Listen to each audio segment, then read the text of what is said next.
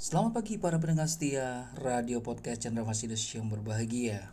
Puji Tuhan, hari ini kita akan mendengar renungan firman Tuhan dalam tema mengolah hati yang bijaksana.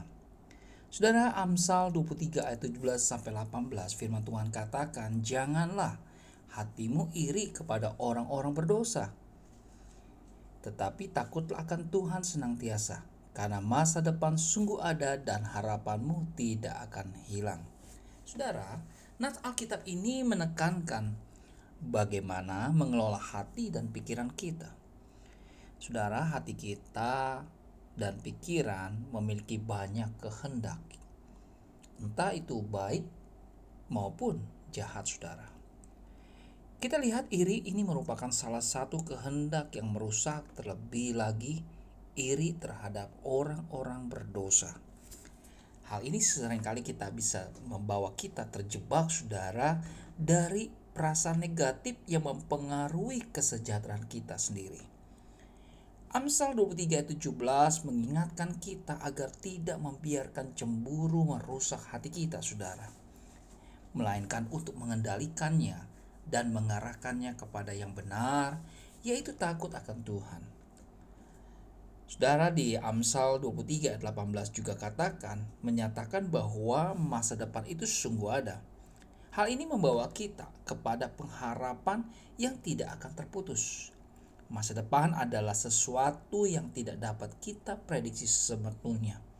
Tetapi saudara, kita percaya dengan iman, dengan kepercayaan kita kepada Tuhan Yesus, saudara dapat memiliki pengharapan yang kokoh karena di dalam ayat ini mengingatkan kita bahwa Tuhan itu memiliki rencana yang baik bagi hidup kita. Dan tidak ada yang dapat menghalangi kalau dia punya rencana buat hidup kita. Sudah kekasih dalam Tuhan.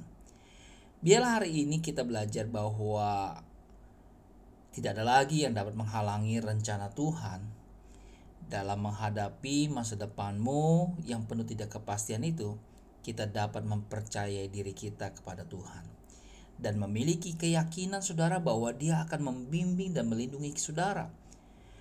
Kita lihat bagaimana ada respon dalam hal ini. Kita yang pertama, saudara bisa lihat kita perlu mengendalikan iri hati atau rasa cemburu yang mungkin timbul terhadap kesuksesan atau keberhasilan orang lain. Bersikaplah saudara dewasa dengan turut bersuka cita dengan pencapaian mereka dan mendukung mereka dengan tulus. Yang kedua, saudara, bagaimana kita belajar takut akan Tuhan, mengajarkan kita untuk hidup dengan integritas dan menghindari godaan dosa. Yang terakhir, yang ketiga, berharaplah senantiasa kepada Tuhan. Karena saudara tahu bahwa kita memiliki keyakinan yang teguh dalam rencana Tuhan dalam menghadapi tantangan serta ketidakpastian hidup ini. Saudara kekasih dalam Tuhan, biarlah hari ini renungan ini membawa saudara untuk lebih dekat dengan Tuhan. Jangan lagi ketidakpastian dalam hidup saudara, tetapi ada keyakinan bahwa Allah beserta dengan saudara.